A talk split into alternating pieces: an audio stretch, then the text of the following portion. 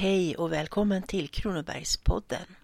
I det här avsnittet ska du få möta Tage G Pettersson, en kronobergare som har tagit sig allra längst upp till toppen inom svensk politik med uppdrag som statssekreterare, flera olika ministerposter och sist men inte minst uppdraget som Sveriges riksdags talman.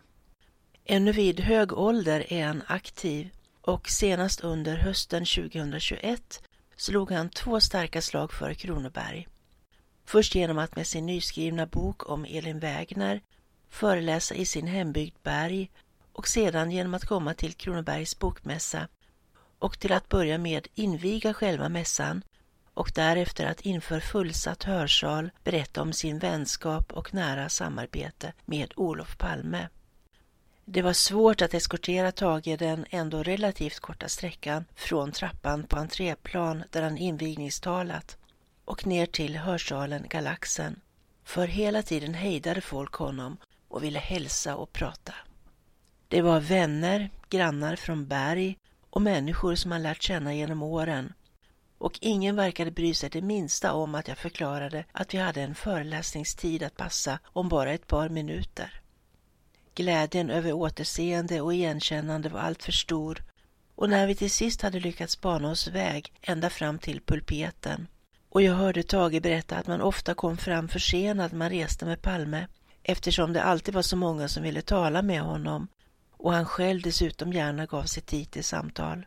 Då tänkte jag att kollegorna och vännerna Olof och Tage uppenbarligen hade mycket gemensamt.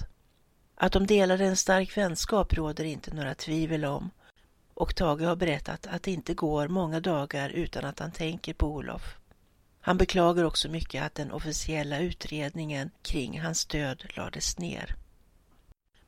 Men vem är egentligen Tage G Pettersson som har gjort en sådan högst ovanlig karriär och som fortfarande är mycket aktiv vad avser att både resa, hålla föreläsningar och författa böcker? Han föddes den 24 september 1933 i Hagtorpet i den lilla kyrkbyn Berg mellan Lammhult och Växjö i Kronobergs län, Småland. Han gick sex år i Bergs folkskola och därefter arbetade han en tid inom jordbruket.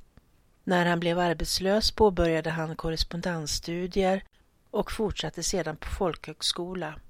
1957 tog han socionomexamen vid Socialinstitutet i Lund och i början av 1960-talet var han medlem av SSUs verkställande utskott. Något som ledde till att han blev förbundets andra förbundsordförande och förbundssekreterare. Efter några år i slutet av 60-talet då han var Folkets huschef, VD för Folkets husrörelsen och styrelseordförande för Sveriges folkbiografer samt det svenska filmproduktionsbolaget Nordisk Tonefilm begav han sig in i politiken på allvar. Han hade under 1960-talet arbetat tillsammans med Ingvar Carlsson med att från SSUs sida hålla i den socialdemokratiska valkampanjen. 1971 blev han ledamot av Sveriges riksdag för Stockholms län. Ett uppdrag som han kom att inneha i hela 27 år. Och samma år blev han statssekreterare vid statsrådsberedningen hos Olof Palme och därigenom statsministerns närmaste medarbetare. 1975 utsågs han till konsultativt statsråd och samordningsminister i Olof Palmes första regering.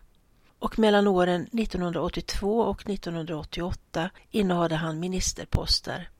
Först som industriminister i Olof Palmes andra regering och därefter i Ingvar Carlssons första och sedan som justitieminister under Carlssons fortsatta första regering. Och mellan 1988 och 1991 kom den absoluta höjdpunkten i hans karriär då han utsågs till talman i Sveriges riksdag. Men Tages CV är inte uttömt ännu på långa vägar. Han har också varit ordförande i riksdagens konstitutionsutskott, varit FN-delegat, försvarsminister i både Ingvar Carlssons tredje regering och i Göran Perssons första och arbetat som statsråd i statsrådsberedningen under Göran Perssons regeringstid. 1998 tilldelades han medaljen Illis Quorum i guld av 18 storleken. Det är en medalj som årligen delas ut av Sveriges regering för att belöna insatser för kulturella, vetenskapliga och andra allmännyttiga ändamål. Namnet Illis Quorum Meruere Labores betyder just åt dem vars gärningar gör dem förtjänta av det. Medaljen är i guld och finns i fyra storlekar, av vilka den artonde är den största. 1998 fyllde Tage G Pettersson 65 år och valde trots erbjudanden om att fortsätta arbeta att gå i pension. Men det innebar definitivt inte att ägna sig åt latmanssysslor eller för den delen ens att njuta sitt rättmätiga otium. Nu inleddes istället en period i hans liv där han ägnade sig åt författarskap. Vid sidan av att medverka som skribent i olika dagstidningar skrev han inom loppet av fyra år inte mindre än tre böcker. Först kom 1999 den självbiografiska Resan mot Mars där Tage delger läsaren anteckningar och minnen från sitt händelserika liv. Året därpå utgav han debattboken Resan till berg, Ska hela Sverige leva? En tidsresa.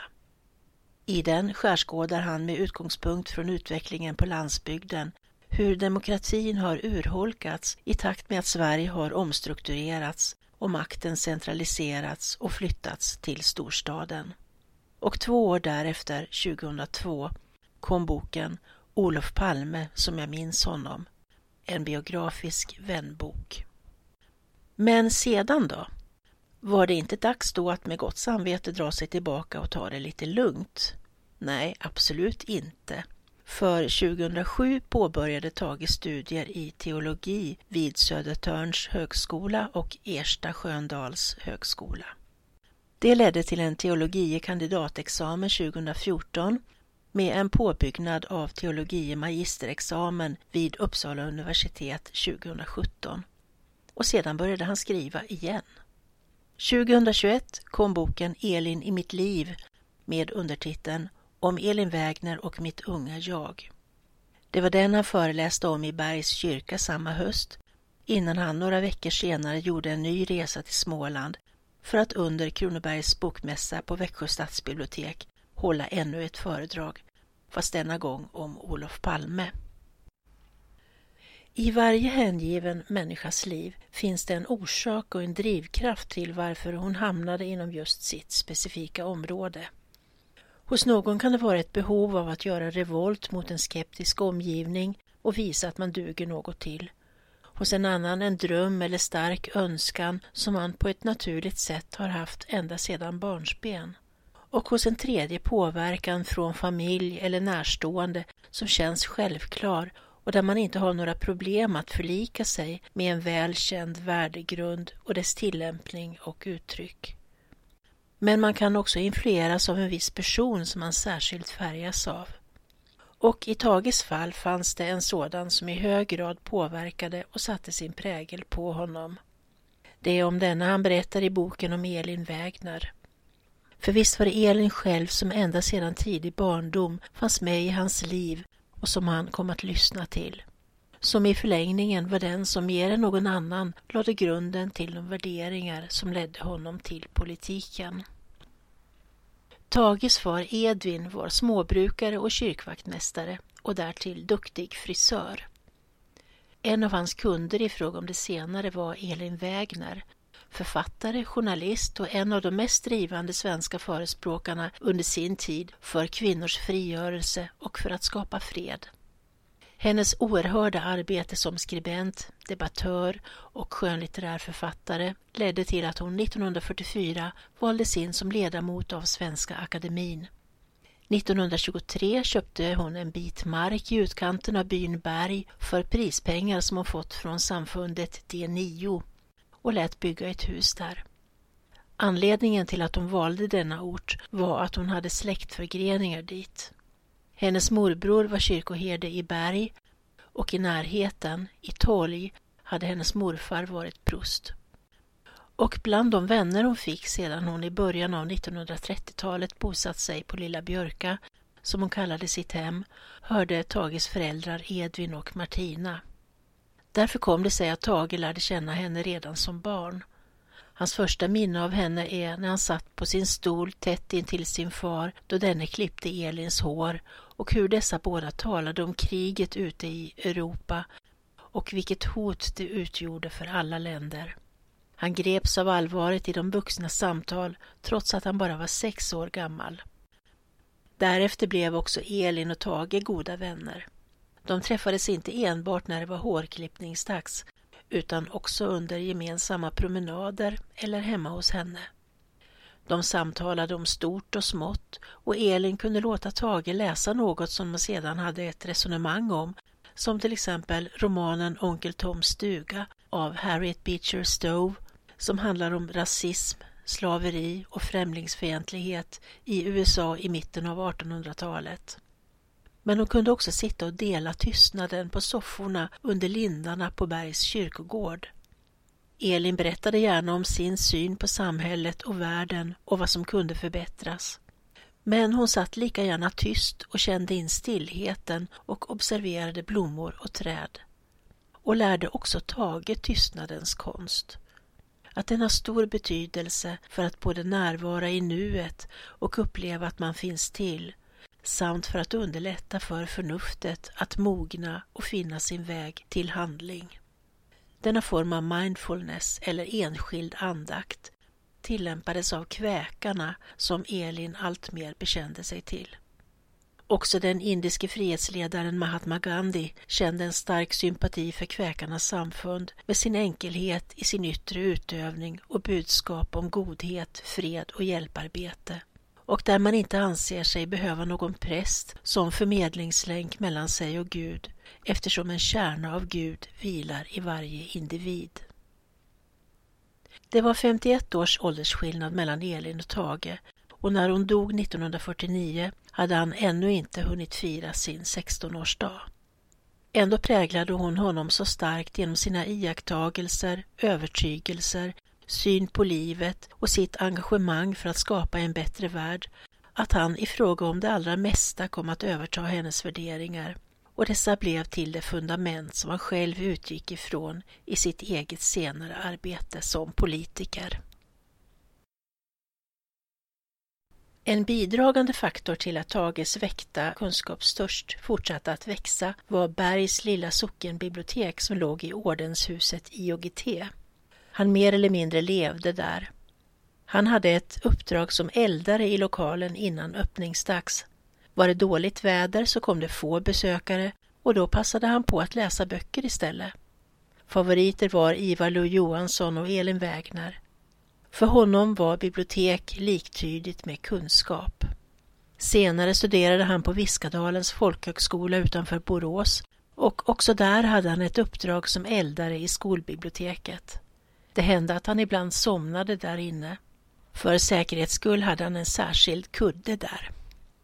Senare, i vuxen ålder, gav han som tack för allt som Viskadalens folkhögskola och dess bibliotek hade givit honom en tribut till skolan genom att upprätta en stipendiefond för de som behöver tillskott för att klara sina studier.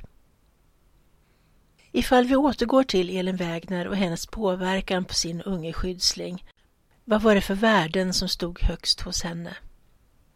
Det var mycket som engagerade denna energiska kvinna, men ifall man ska lyfta fram några särskilda hjärtefrågor så fanns där tre stycken.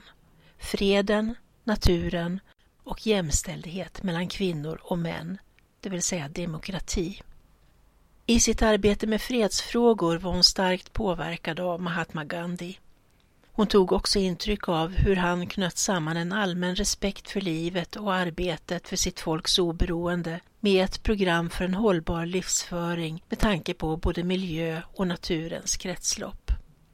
Inom ramen för Swadeshi-rörelsen som genom bojkott av importerade utländska varor i kombination med egen tillverkning inom landet syftade till att både ge vidgade inhemska arbetstillfällen och på sikt göra Indien självförsörjande det vill säga att själv producera material istället för att importera, lät Mahatma Gandhi 1918 Khadi bli en symbol för denna kamp. Khadi betyder handspunnet och hemvävt tyg och Mahatmans idé var att varenda invånare i Indien själv skulle tillverka sina kläder genom att följa kedjan från början till slut. Allt ifrån plantering av bomullsbuskar till att spinna, väva och slutligen sy. Detta skulle skapa en lokal arbetsmarknad och inhemsk industri samtidigt som det stärkte den nationella stoltheten och självkänslan. Som en god förebild satt han själv varje dag en stund vid sin spinnrock som blev den främsta symbolen för Indiens revolt mot kolonialväldet. Och också hemma i Berg anammade Elin Wägner detta. Även hon satt vid sin spinnrock, med åren under allt längre stunder.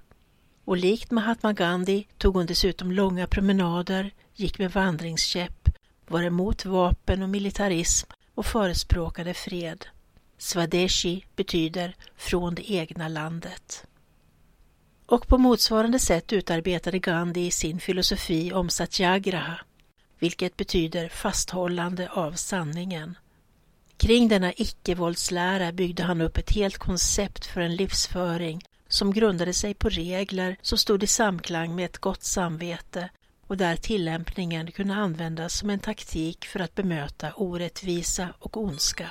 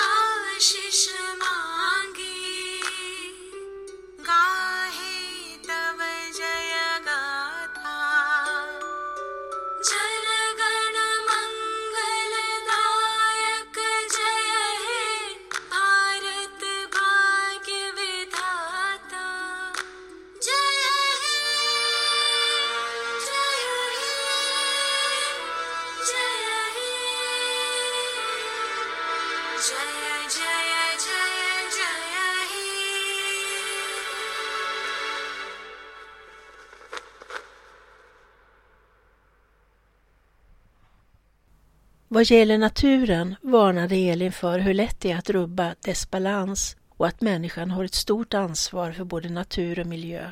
Hon skrev också om landsbygdens värde och närdemokratin med ett kort avstånd mellan folket och dess ombud. Likaså arbetade hon emot landsbygdens avfolkning. Hon varnade för i stort sett samma faror med storkommuner och hårdför centralisering som Tage själv senare skriver om i sin bok Resan till berg. Också i fråga om Elins övriga hjärtefrågor anammade Tage hennes ideologiska värderingar. Han blev till exempel fredsaktivist och tog ställning mot ett svenskt NATO-medlemskap samt mot USAs och NATOs krig i Afghanistan.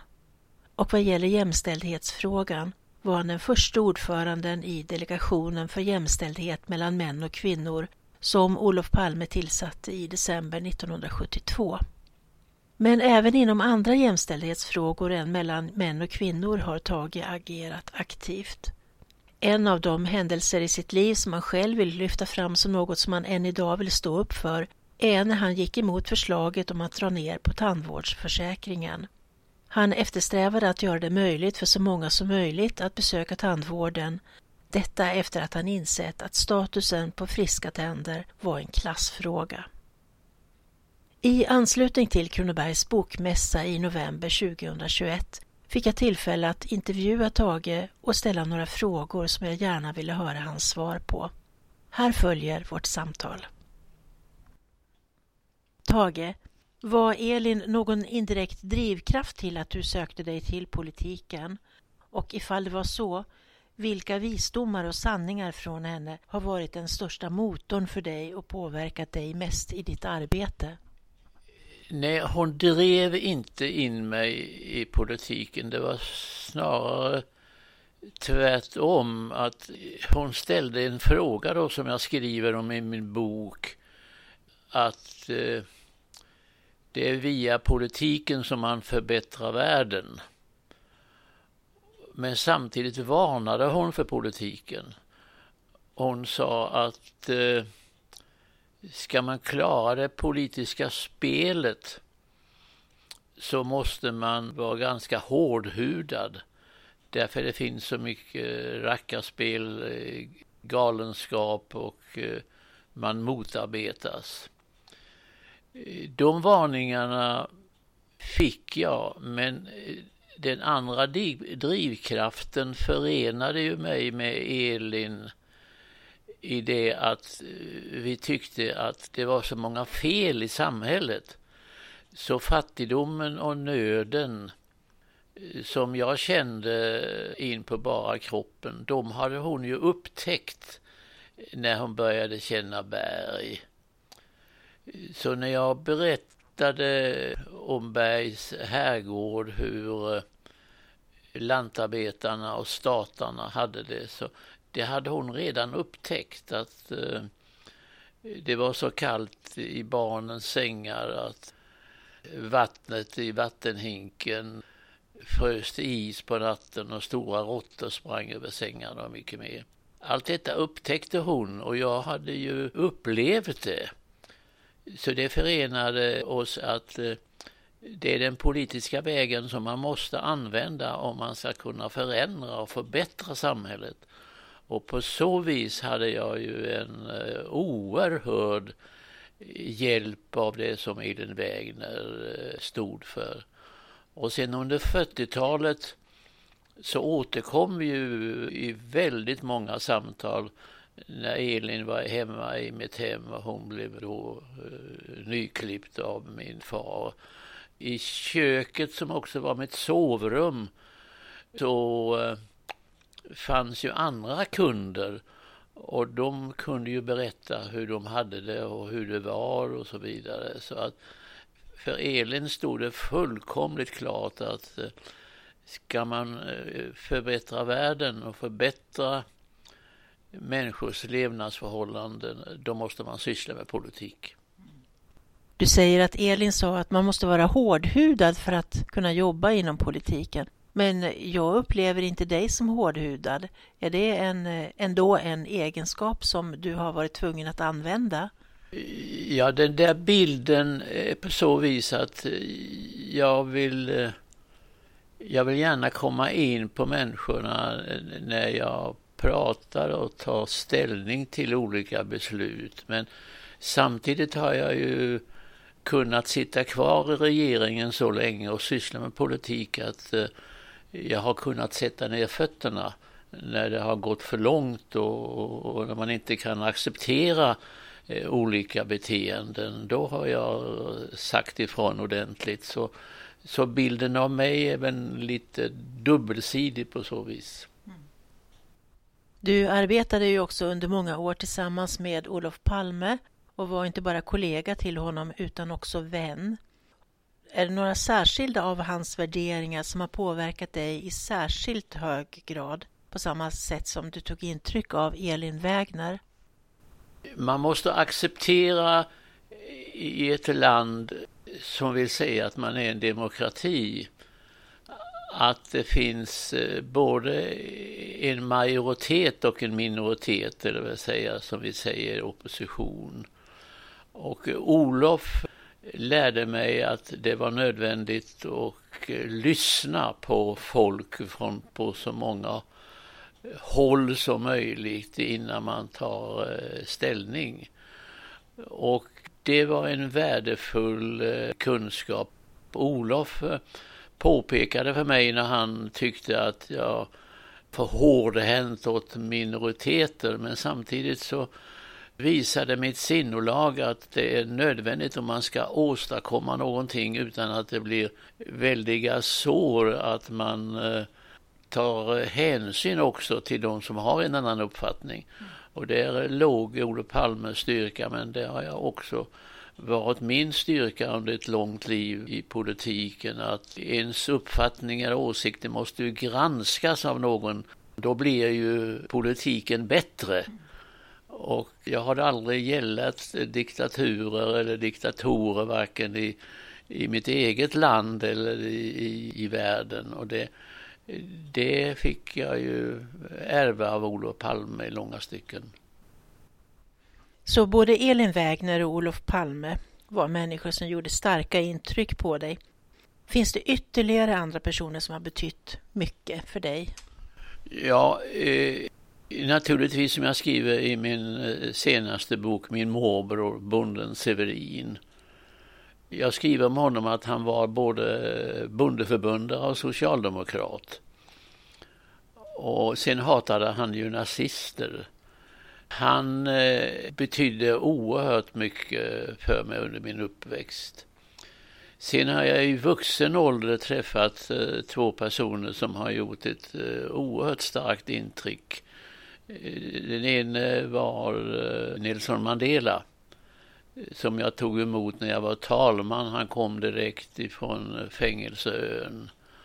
Och han, eh, han hade blivit utsatt för så mycket av eh, psykiskt och, och annan tortyr att jag trodde jag skulle få möta en nedstämd person men eh, det var ju en människa utan bitterhet. Eh, han kom med en framtidstro så att när han ville se på den svenska demokratin så, så var det han som kom in i mitt talmansrum med, eh, Eh, med optimistiska lösningar om framtiden. Sen har inte Sydafrika tyvärr blivit det som både han och jag hoppades på en gång i tiden. Den andra personen eh, var Dalai Lama som jag träffade då eh, när ingen vågade ta emot honom. Regeringen blev rädd för kinesernas varningar. Men jag sa att Dalai Lama som står för freden, han ska få komma till talmannen på ett officiellt besök och det fick han göra. Och det gjorde att han öppnade sig eh, väldigt mycket och sen mötte jag honom vid ett senare tillfälle eh, i London. Så i, i, i Dalai Lama och, en, och Nelson Mandela fanns en, en framtidstro. Jag hade gärna om jag hade fått tillfälle och möjlighet eh, odlat den vänskapen lite, lite djupare. För jag tyckte, jag kände inombords att eh, samtalen med de båda gav någonting som jag lärde mig mycket av. Har du någon gång känt att du har velat hoppa av politiken? Svaret är nej.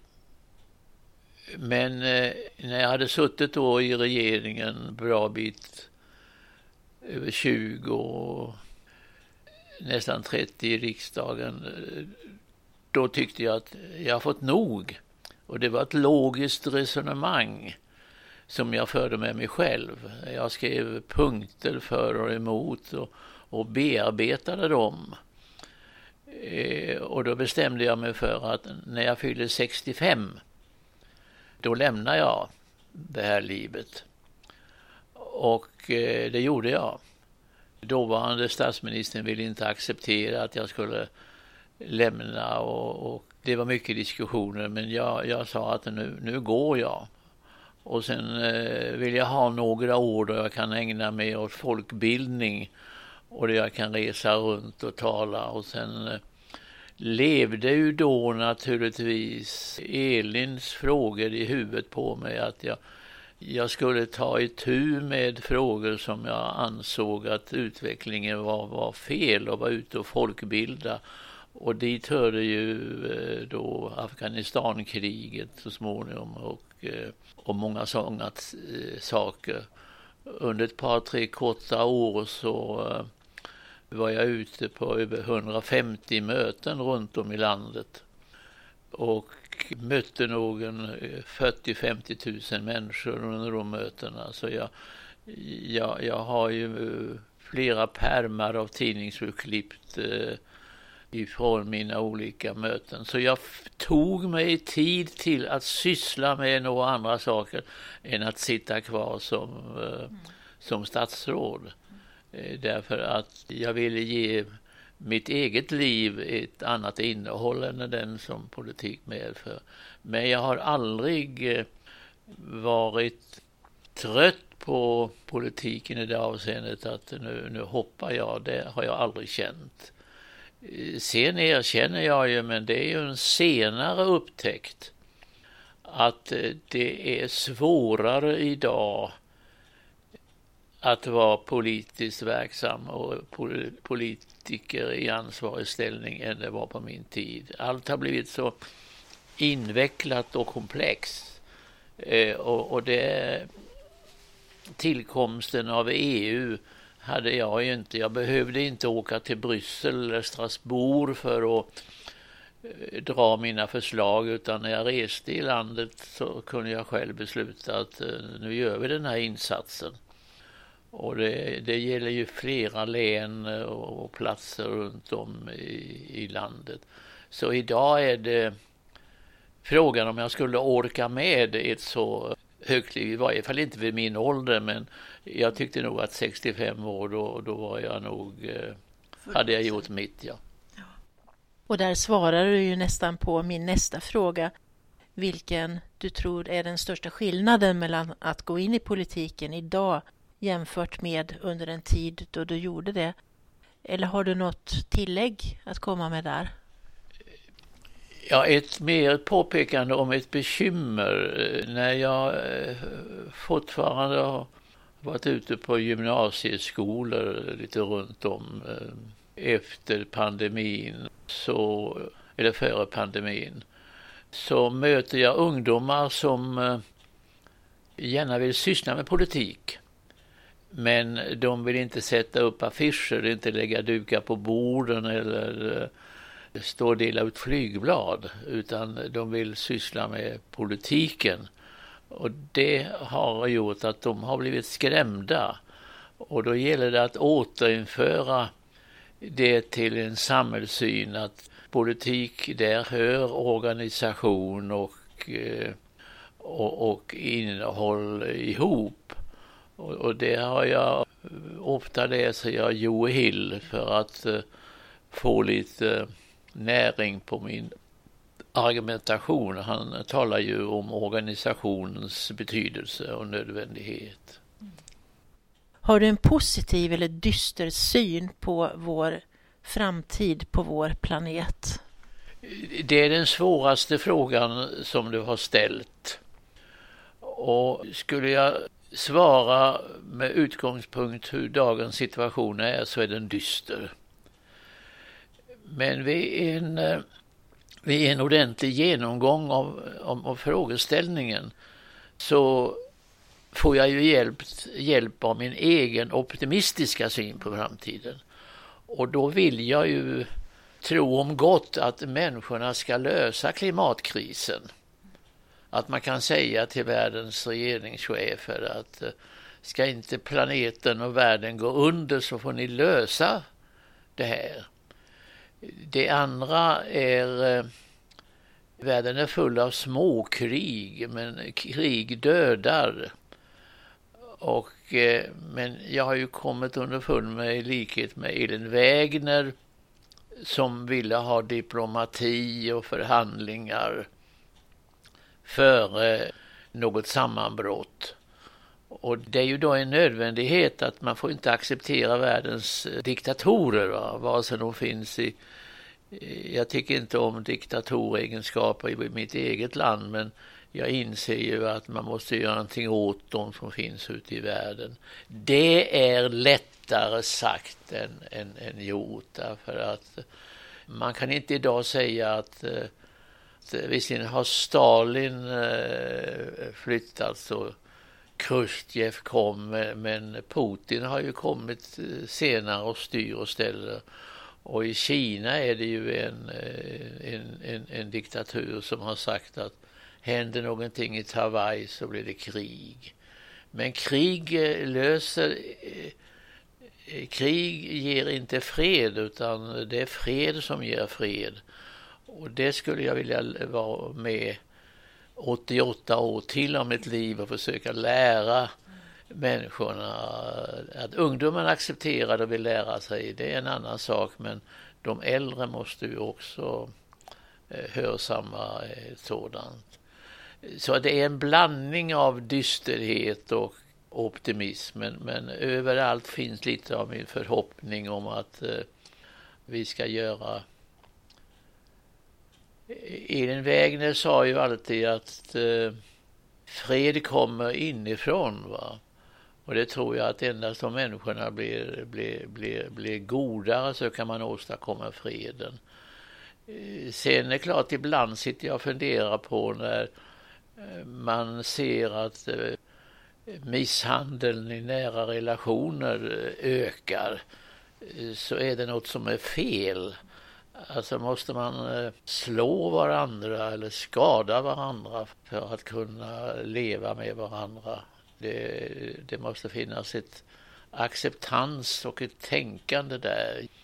Jag har kommit nära så många människor som hör av sig och säger att nu, nu är det illa i mitt äktenskap och nu är det helt galet. Och om man inte lyckas med freden mellan två människor då, då lyckas man ju heller inte att klara Etiopien eftersom inte, även om man är fredspristagare så klarar man inte freden i sitt eget land. Så det, det finns så många, det finns så många eh, saker som, som påverkar eh, ställningstagandet eh, hur man ser framtiden och vad man kan ha anledning att vara rädd för. Tage G Pettersson är bergbon som kom att göra ett historiskt avtryck under närmare tre decennier i svensk 1900-talspolitik. Men som trots många år i Stockholmstrakten nära sitt verksamhetsområde aldrig har svikit sin hembygd. Han återvänder gärna till sina rötter och också hans hustru Marion har sin hemvist i Kronoberg. Hon växte nämligen upp i Klavreström de båda träffades när Tage praktiserade på kommunalkontoret i Nottebäck. Detta år 2022 firar de inte mindre än 60-årig bröllopsdag.